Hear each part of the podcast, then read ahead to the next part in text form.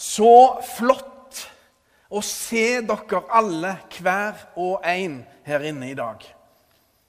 Så flott å se dere alle. Jeg får nesten lyst til å gi dere en sånn god julklem, alle og enhver. Men jeg er litt sånn småforkjølte, så vi må holde avstand. Så det er veldig greit. Sånn er det, vet dere. Men det vi kan gjøre, det er også å si god jul til hverandre. Høyt og tydelig. Er dere klare? Jeg teller til tre, og så kjører vi på. OK? Én, to, tre. God jul! Ja, det var litt forsiktig. Ja da. Litt forsiktig, men vi må ta litt hardere i, tror jeg. Det må være sånn at liksom, taket begynner å løfte seg. Ok? Vi prøver en gang til. Én, to, tre. God jul! Ja, det var kjempefint. ja. Nå tror jeg det løsna litt. Gruppeklem. Det var det vi skulle ha gitt hverandre i dag. Akkurat sånn som på fotballbanen. Når det har blitt mål, da blir det skikkelig gruppeklem. Og så har jeg en ting her. Hva tror dere dette er? Jeg har en presang her. Hva tror dere dette er for en presang? Er det ei bok? Nei, det er jo ikke ei bok. Det er jo lett å se at dette er en En En ball! Men hva da for en ball? En fotball! Eller som en av våre sønner en gang sa det, en fotballball. Ja. Og nå skal jeg prøve å se om kanskje dette er en fotballball. Ja, jeg tror jammen det var en fotballball, dette her. Jeg må innrømme én ting, og det er at jeg, jeg er veldig interessert i fotball. Av og til så syns jeg det faktisk nesten er ei plage, men det er aller mest kjekt. Men fotball, det var det en kloke mann som sa. Det var sjølveste paven som sa det. Fotball er noe av det viktigste av det uviktige. Det var ganske godt sagt. Det viktigste av det uviktige. Hmm. En gang så var det en fotballspiller som ikke var fornøyd med innsatsen sin for sitt nye lag. Inne i garderoben så sa han litt oppgitt 'Jeg har aldri spilt så dårlig før.' Da kunne ikke treneren hans dy seg. Han spurte 'Så du har spilt før?' Oi, oi, oi. Han hadde ikke akkurat imponert treneren sin, nei. Dommeren, stakkars dommeren, er ofte den som får skylda hvis det går dårlig med laget vårt. En gammel dommer han fortalte meg at, at han hadde fått følgende kommentar da han takte en guttaspiller for kampen. Guttaspilleren sa, 'Takk for kampen, dommer.' Synd du ikke så han.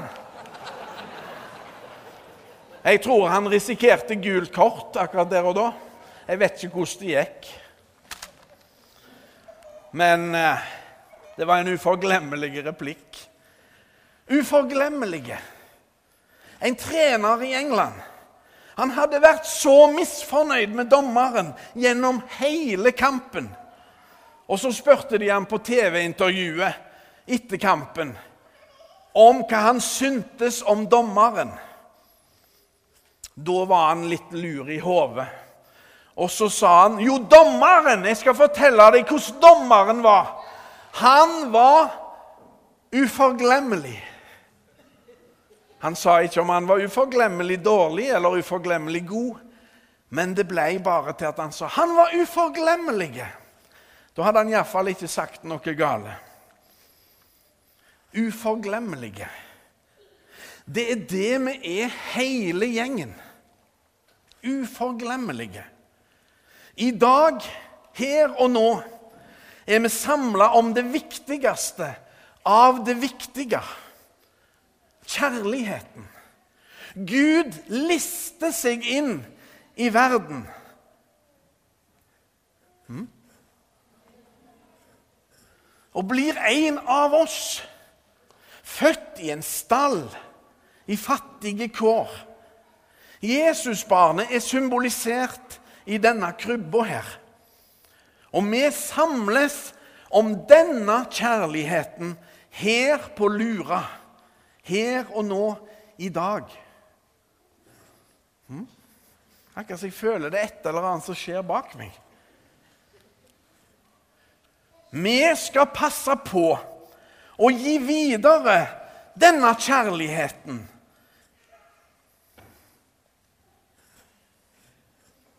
Til alle som kommer i vår vei.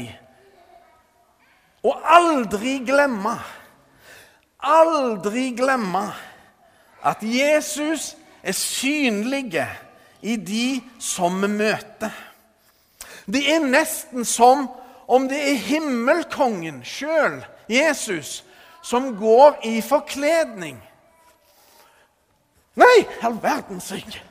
Åh, oh, du må ikke skremme en gammel mann på den måten. Jeg nærmer meg 60. Anne Marie. Åh, var det deg, altså? Jeg følte det var et eller annet som bevegte seg her bak. Det var nok det. Ja. Du, Øyvind, det var ikke egentlig meningen å skremme deg, men jeg, jeg ville bare vise hvor overraskende og skremmende det må ha vært den gangen Jesus ble født. For da var det jo sånn at englene de gikk rundt mange ganger og måtte si 'frykt ikke'. Ja, det er sant. Men du, jeg har fulgt med på en serie på TV i adventstida med sånne magiske julekuler, så jeg fikk lyst til å kjøpe en sjøl. Se på den her. Fantastiske effekt. Og så er det et triks, for det nytter ganske lite å blåse på utsida. Bare vent til den går av. Hvis jeg blåser på utsida sånn, så gjør det ganske lite. Det gjelder om å blåse luft inn i kula. Du-du. For en effekt! Fantastisk. Har du lyst til å prøve den? Ja.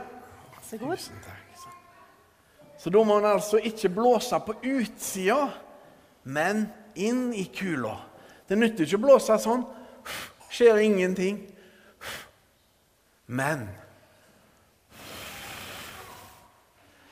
Våres livspust kan altså lage lys.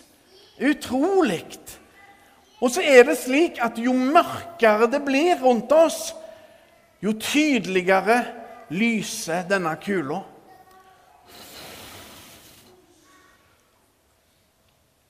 Lyset skinner i mørket. Og våres livspust kan altså lage lys. Og det er mange som opplever mørke tider akkurat nå. Derfor er det lille barnet i krybba like viktige som før. Like viktig som før er det lille barnet i krybba. Og lyset og håpet ligger her. At kjærlighetens makt er sterkere enn døden. Gud har blitt en av oss og triumferer over alt som vil ødelegge oss. Vår Herre Jesus utgjør et gigantisk håp for alle mennesker. Uansett hvordan vi har det, uansett hva vi sliter med, vi er skapt av Gud. Vi er alle uforglemmelige for Gud.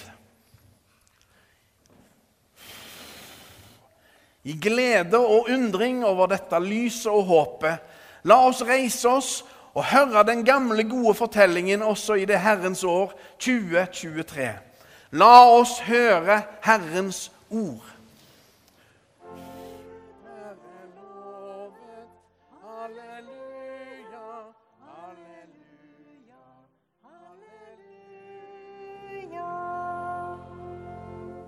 Det står skrevet i evangeliet etter Lukas. Det skjedde i de dager at det gikk ut befaling fra keiser Augustus om at hele verden skulle innskrives i manntall. Denne første innskrivningen ble holdt mens Kvirinius var landshøvding i Syria. Og alle dro av sted for å la seg innskrive, hver til sin by. Josef dro da fra byen Nasaret i Galilea opp til Judea, til Davids by Betlehem, siden han var av Davids hus og ett, for å la seg innskrive sammen med Maria, som var lovet bort til ham, og som ventet barn.